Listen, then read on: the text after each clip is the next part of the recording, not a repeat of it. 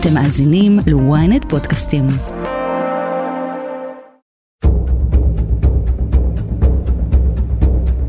תחנות חושן כאן קודקוד,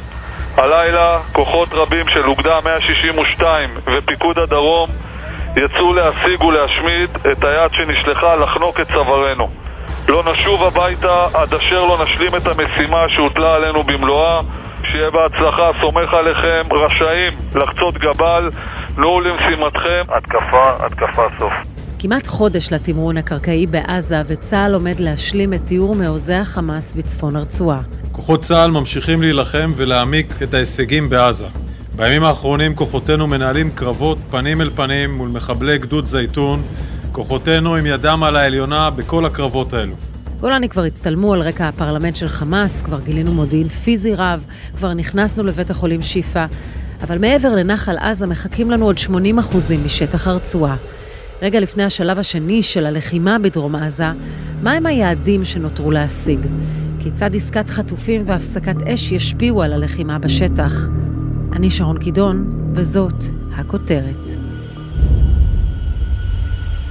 יואב זייתון, כתבנו הצבאי, אנחנו חודש לתמרון הקרקעי ברצועת עזה. בואו ננסה למפות את תמונת המצב כעת. טוב, אז אה, צה"ל, וזה לא סוד, התחיל אה, את ההתקדמות שלו ואת הפעילות שלו בחלק הצפוני של צפון הרצועה, אה, אבל הצפון מערבי, כלומר, מי שמכיר קצת חוף זיקים, נתיב העשרה ועד לארז, משם צה"ל נכנס בהתחלה באותו יום שישי לפני כשלושה וחצי שבועות, והתקדם לאורך כל רצועת החוף, כביש החוף העזתי, עד ממש לשכונות היוקרה שבדרום מערב עזה, שייח' רג'לין ורימל, לשם למעשה הגיע מהצד השני, מכיוון ישראל, ממסדרון נצרים, כוח נוסף, אוגדה נוספת סדירה שתמרנה, שם הם למעשה נפגשו בפינה הזו הדרום מערבית של רצועת עזה, והחלו לכתוש את חמאס בכיוון הפוך, לא מהחזית אה, לתוך עזה, אלא דווקא ממערב, מכיוון הים. אה, לכיוון פנים העיר עזה והאזורים האלה הם אזורים שהייתה בהם ויש בהם עדיין כמובן לחימה אבל צה"ל השלים בה את רוב המלאכה באזורים האלה שקרובים יותר אה, לחוף העזתי למערב העיר עזה וההתקדמות היא לעבר מרכז העיר שכונת זייתון ממש בלב העיר עזה ליד העיר העתיקה של אה, עזה, משהו שהושלם כמעט הכיבוש שלו בימים האחרונים, ונכון להיום, לאמצע השבוע, צה"ל אה, השלים את קיטור העיירה או העיר ג'באליה, עיר גדולה, כמעט 200 אלף אה, תושבים, יש לה גם מה שהיה פעם מחנה פליטים, אזור קשוח, אזור עני, אלה האתגרים לדעתי הקשים ביותר, כי שם חמאס שם את רוב יהבו. באזורים הקרובים יותר לישראל, כאלה שממש אנחנו יכולים לראות אותם מכביש 232, מאנדרטת אה, חטא שחור, בטח ממקומות כמו כפר עזה ונחל עוז. יואב, כשאתה אומר השלים את המשימה, מבחינתנו מה אנחנו צריכים לדעת שצה"ל עשה במקומות שבהם הוא השלים את המשימה? שהוא עבר למעשה את uh, שלושת השלבים בתמרון של צה"ל, אותו דפוס לחימה אה, קבוע שלו במקומות שבהם הוא אה, פעל. השלב הראשון זה חדירה עוצמתית של אה, חיל האוויר, תותחנים, שריון, ממש כל צוות הקרב החטיבתי המשולב בסיוע אש מהאוויר. זה השלב הכי עוצמתי, הכי רועש, הכי חזק, שלב החדירה העוצמתית.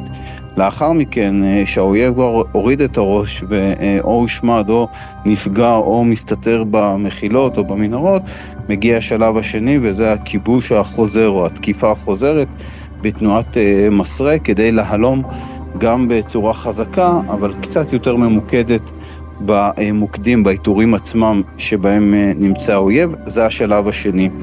שלב הכיבוש החוזר. השלב השלישי אחרי שהאויב נפגע כמעט אה, לחלוטין באותו תא שטח, שכונה או מרחב שהצבא פועל בו, התמרון מתקדם אליו, אה, מגיע השלב השלישי וזה שלב הטיהור. שלב הטיהור זה שלב שבו ממש כוחות החי"ר,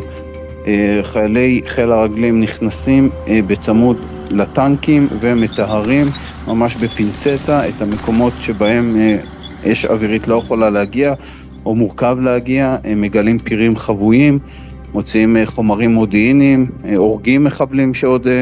מגיחים מפירים וממנהרות כאלה ואחרות, ורק לאחר מכן, לאחר שלושת השלבים האלה, צה"ל מכריז למעשה על שליטה באותו מרחב, באותה שכונה, אה, ובחלק מהמקרים גם התבססות, כלומר הקמת מגננים, אותם מקומות, ש... אותם בסיסים ארעיים בשטח האויב שצה"ל מהם מוציא פשיטות אה, הלאה לאזורים אה, קרובים אחרים, וכשאנחנו אומרים שליטה אז צה"ל ברוב האזורים בצפון רצועת עזה בשלב א' של התמרון השיג את שלושת השלבים האלה. אז מבחינת מיגור המחבלים, חיסול המחבלים, יש דרך לאמוד האם בצפון הרצועה אנחנו אה, חיסלנו את מרבית הכוח של חמאס, או שרובו מתרכז כעת בדרום? תראי, צפון הרצועה זה קצת אה, tricky, כי אה, בצפון הרצועה אמנם חוסלו אלפי מחבלים, כאומדן אה, רשמי וודאי, יש עוד כמות שנהרגה על ידי צה"ל אבל uh, הצבא לא יודע לשים את האצבע בוודאות, כי אותם מחבלים קבורים בהריסות או בתוך המנהרות uh, שהותקפו ואף פעם לא יוכלו להגיע ולחתום שהם באמת נהרגו, אבל צה"ל התחיל בצפון רצועת עזה בגלל שמוטת השליטה של חמאס מבחינת תשתיות, מבחינת מפקדות, מבחינת בסיסים, בסיסים שלמים וגדולים של חמאס, של הזרוע הצבאית של צבא הטרור הזה, נמצאים בצפון הרצועה ולא בדרומה. זאת אומרת, כדי לשלוט בצבא הטרור שנקרא חמאס על כל 30 אלף הפעילים החמושים שלו, הגדודים המרחביים שלו, צריך קודם כל לפגוע בקריה שלו במרכאות, בבור שלו, אה, למשל במרובע הביטחוני, שמשמש למעשה כמפקדה הכללית של אה, של הזרוע הצבאית, את זה הגיעו, את זה כבשו, מוצבים נוספים שהם אה, מוצבים חשובים מאוד שבאמצעותם חמאס שולט בכל הכוחות הצבאיים שלו, כמו מוצב הסוסים ומוצב הספינה,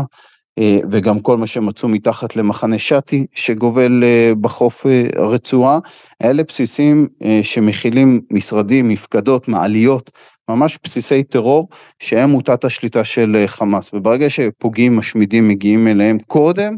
אז אה, כוחו של חמאס הרבה הרבה יותר חלש, היכולת שלו להוציא אה, מתקפות פשיטות נפגעת מאוד עד אה, מתבטלת, ולכן קודם החליטו ללכת על השלב הזה בתמרון, שלב הבא כמובן, אה, כשלב מרכזי, יהיה שלב ב',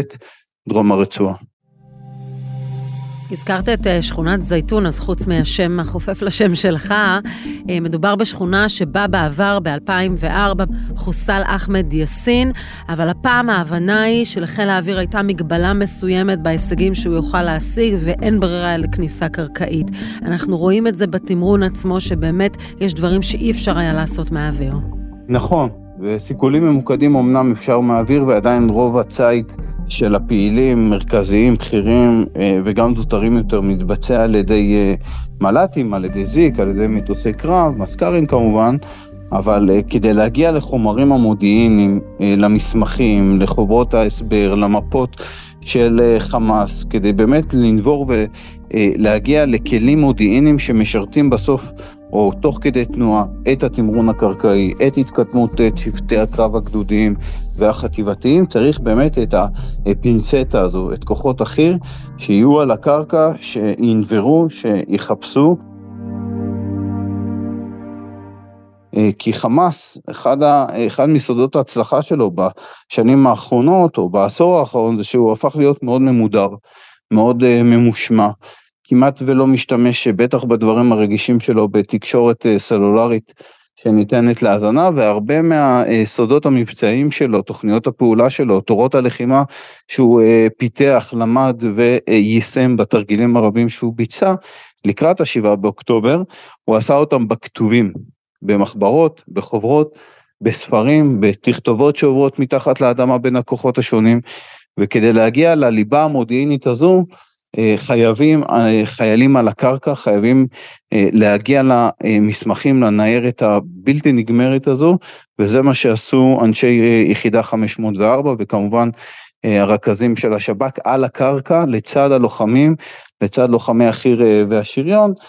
ובסופו של דבר הם הצליחו ככה לפענח ולאפשר את ההתקדמות הזו המוצלחת יחסית עד עכשיו בתמרון הקרקעי. כוחותינו איתרו והשמידו נכסים רבים של הגדוד, בהם מעבדות לייצור רקטות, אמצעי לחימה חומרי טרור וחומרי מודיעין. כלומר, לפי מה שאתה מתאר, אז מה שאנחנו מקבלים מדובר צה"ל, תמונת המצב, זה כמובן שבריר של מה שבעצם תמונת המודיעין שקיימת ברשותנו, אה, באמת. חד משמעית, כי אה, היה מודיעין טוב, יחסית, אני מדבר איתך על מודיעין טקטי, לא מודיעין אסטרטגי, כלומר, מה, איזה יכולות יש לחמאס וכולי. אבל המודיעין הזה, ככל שהתקדמו הימים בתמרון הקרקעי, ובכלל בלחימה, ובטח במה שקרה, בהשוואה למה שקרה בשבעה באוקטובר, המודיעין הזה התברר כמה הוא אה, חלקי. למשל, ניתן לך אה, דוגמה, כוחות שהתקדמו אה, מאוגדה 36, אה, גולני, יחד עם חטיבה 188 וחטיבה 7, מצאו ביום יומיים האחרונים מזל"טים של חמאס, שהועתקו ממש ב reverse engineering, מה שנקרא הינדוס הפוך, ממזל"טים שיש לצה"ל. שאחד מהם כנראה נפל בשנים האחרונות בשטח הרצועה, והמהנדסים של חמאס, אני מניח שבסיוע אה, הנדסי או ידע אה, מחו"ל, אולי מאיראן, אולי ממקומות אחרים, הצליחו לעשות העתק הדבק ולהדפיס מחדש עשרות רבות של מזל"טים על בסיס מזל"ט אה, צה"לי. בנוסף הלוחמים מחטיבה 188 איתרו מעבדה לייצור אמצעי לחימה וכלי טיס בלתי מאוישים בתוך מסגד. לוחמים נכנסים למסגד, מבצעים סריקה, אחרי שבדקנו שאין מלכודים, נכנסים לתוך המסגד הזה, מוצאים פיר, ביחד עם לוחמי יהלום, מוצאים פיר, בנוסף לפיר הזה ירידה ומדרגות, ושם מגלים סדנה לייצור רקטות. זה מה שגילו, לא מודיעינית מראש, באמצעות 8200 או יחידות מודיעין אחרות, אלא אה, לוחמי החי"ר, החי"רניקים של אוגדה 36, אה, והשריונרים באמצעות חיפושים, סריקות, אה, חפירה מתחת לקרקע והגעה למפעל תת-קרקעי שפיתח את המזל"טים האלה בהעתק הדבק ממזל"ט שנמצא בשטח הרצועה לפני כמה שנים וזה רק דוגמה אחת שרון.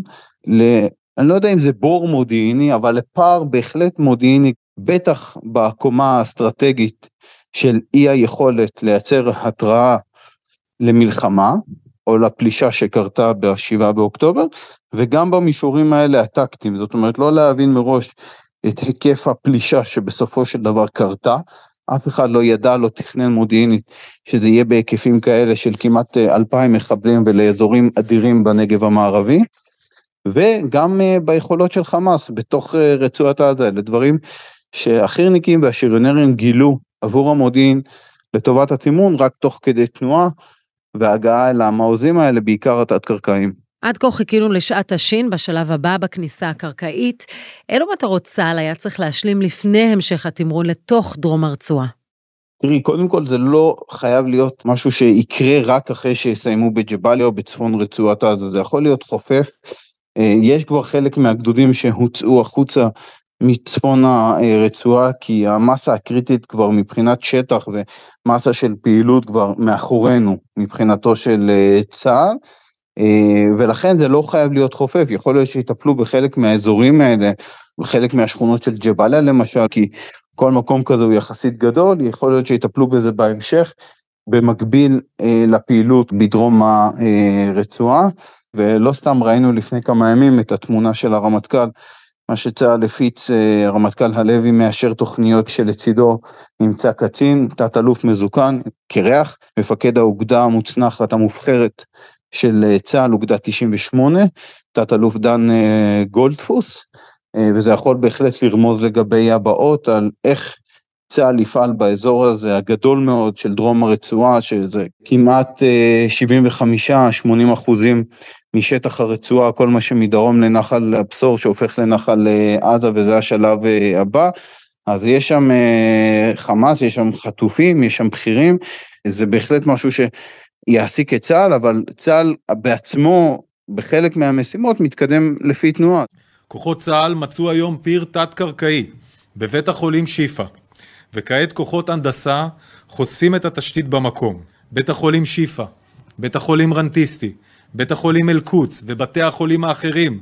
בכולם אנחנו מאתרים פעילות של ארגון הטרור חמאס מעל הקרקע ומתחתיה. זה לא צירוף מקרים, זו השיטה של חמאס. מבחינת ההישגים וההתקדמות אה, בלוחמה בתת קרקע, איפה אנחנו עומדים? אז אני אסביר את זה באמצעות אה, דוגמה, כי הרבה מדברים על שיפא וכל ה upgrade ומה שאמרו על שיפא כמוקד הטרור המרכזי בצפון הרצועה בעיר עזה, אז יש קודם כל עוד שלושה בתי חולים שצה"ל עובד בהם ועובד בהם ליד, זה גם רנטיסי, גם אה, נאצר וגם בית החולים האינדונזי. עכשיו, יש חללים תת-קרקעיים, צה"ל גם הציג אה, תמונות של חלק מהם, אבל כשמדברים על חלל תת-קרקעי גדול, וזה לא חייב להיות מתחת לבית חולים, זה יכול להיות למשל מתחת למרובע הביטחוני, אותו קריה של אה, חמאס שהזכרנו מקודם, אז קודם כל שולחים אמצעים אה, טכנולוגיים כאלה ואחרים כדי לעשות חקר ראשוני מאוד, כמובן לא מורידים בשום שלב חייל למטה, אה, גם לא בהתחלה חיילים שמיומנים לזה. אה, לאחר מכן, לאחר שעושים את החקר הראשוני ורואים שכנראה אין מלכוד או שאפשר לנטרל אותו באמצעים כאלה ואחרים, רק לאחר מכן שולחים כלבים מיוחדים למשימה הזו, לאותו תווך תת-קרקעי. אם צריך פורצים חלק מהמקומות כמו שראינו בדלת ההדף המבוטנת בחלל התת-קרקעי שמתחת לשיפא, אה, ורק לאחר שמשלימים את החקר הזה באמצעים טכנולוגיים ועם הכלבים המיוחדים, רק אז שולחים לוחמים מיומנים לסרוק בתוך התווך התת-קרקעי, בתוך החלל או בתוך הבסיס הטרור הזה שבבטן האדמה. כל התהליך הזה יכול לקחת שלושה ארבעה ימים ויש כאלה רבים, עבודה מאוד איטית, מאוד סיזיפית, ולכן מדברים בצה"ל על אה, לא פחות מסוף ינואר, תחילת אה, פברואר, במקרה הטוב, בתרחיש החיובי, לסיום התמרון הקרקעי כשלב במלחמה הזו. אז בוא נדבר על האתגרים שמחכים לנו בלחימה בדרום הרצועה. כן, אז כמו שאמרנו זה שטח מאוד מאוד אה, גדול, 80 אחוזים משטח רצועת עזה זה בדרום הרצועה, מדרום לנחל עזה, מה שמתחיל בנחל הבשור, קו מקביל פחות או יותר לבארי, מערבה לכיוון החוף, אם ככה לדמיין בראש שלנו את אה, שטח הרצועה, ויורד דרומה עד אה, לגבול מצרים, ציר פילדלפי. שטח גדול כאמור, בחלק המערבי שלו, ליד לכיוון החוף, מה שנקרא מואסי, יש כבר ערי פליטים עם קרוב למיליון עקורים עזתים שירדו דרומה, בנוסף לקרוב למיליון עזתים שכבר גרים בדרום הרצועה, אנחנו מדברים על העיר המרכזית ח'אן יונס, אה, אבל יש גם את מחנות המרכז, אל בורייג', נוסירת, אה, שהם קודם כל הדלת כניסה, אם תרצי, למרכז ודרום הרצועה, ודרומה משם העיר הגדולה רפיח, שהיא מחולקת, חלקה הדרומי על אדמת מצרים, סיני, וחלקה הצפוני אה, שייך לרצועת עזה, אתגר בפני עצמו. עכשיו, לפי כל הערכות, בכירי חמאס ובהם סינואר נמצאים בדרום הרצועה, ייתכן שבמרחב אה, ח'אן יונס, כמובן מסתתרים בבונקרים, בתווך אה, תת-קרקעי. אה, זה אזור גדול, אבל מבחינתו של צה"ל זה גם הזדמנות לטפל בצורה נקודתית וממוקדת, הגם שזה יהיה באמצעות תמרון קרקעי בדרום הרצועה. לזה כמובן נכנס למשוואה גם המשתנה שנקרא תנאי מזג האוויר.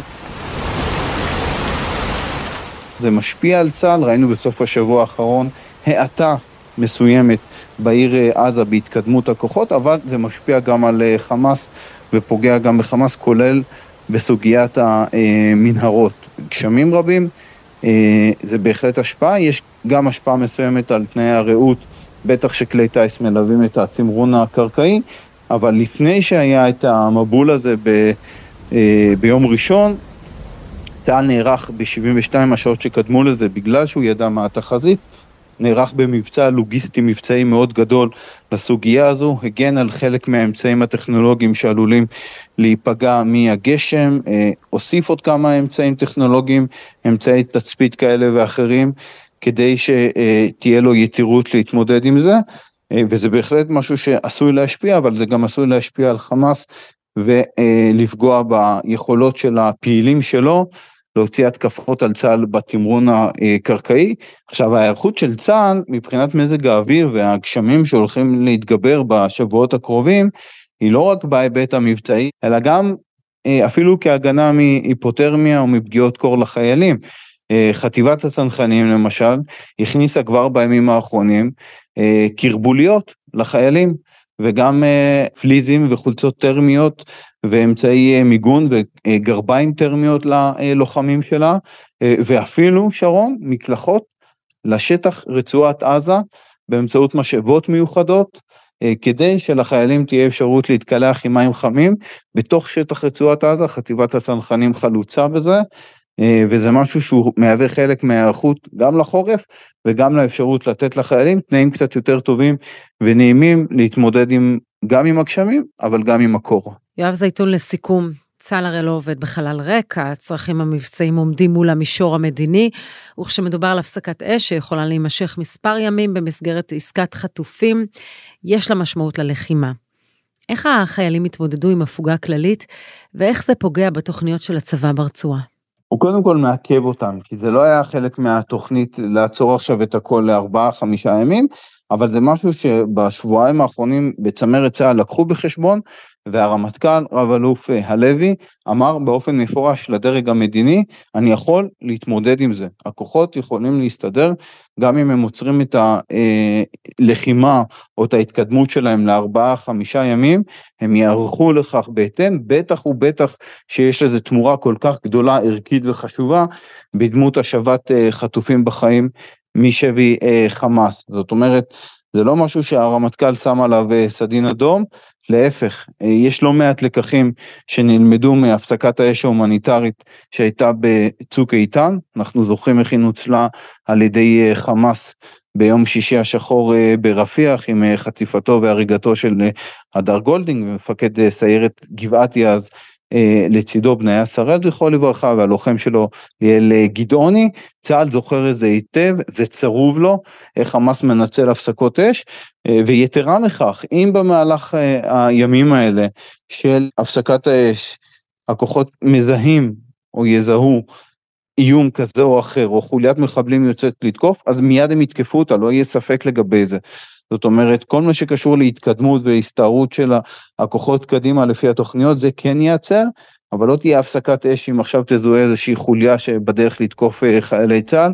החוליה הזו מיד uh, תתקף, וצה"ל uh, יתקוף אותה בין אם מהאוויר בין אם מהקרקע. לזה בכלל אין אה, ספק, זה משהו בגדול שצה"ל יכול להתמודד איתו, והרמטכ"ל הבהיר את זה בצורה חד משמעית אה, לדרג המדיני, גם אם יהיו עסקאות נוספות והפסקות אש אה, בהמשך המלחמה. יואב זייתון, תודה רבה. תודה. ועד כאן הכותרת להפעם. אם עדיין לא נרשמתם לעקוב אחרינו באפל או בספוטיפיי, כדאי לכם. אתם מוזמנים לדרג אותנו ולהגיב לנו איך אתם הייתם חוצים את נחל עזה. את הכותרת אפשר למצוא גם באתר ynet, באפליקציה, בנייד וברכב. אם הגעתם עד לכאן, אתם מוזמנים להאזין לפרק נוסף שלנו עם פרשננו רון בן ישי, על אותה תקרית בצוק איתן שבא בעקבות הפסקת האש ואיך אנחנו צריכים לפעול. חפשו את הפרק בין הפוגה להפסקת אש, המטרה של חמאס והתנאים של ישראל.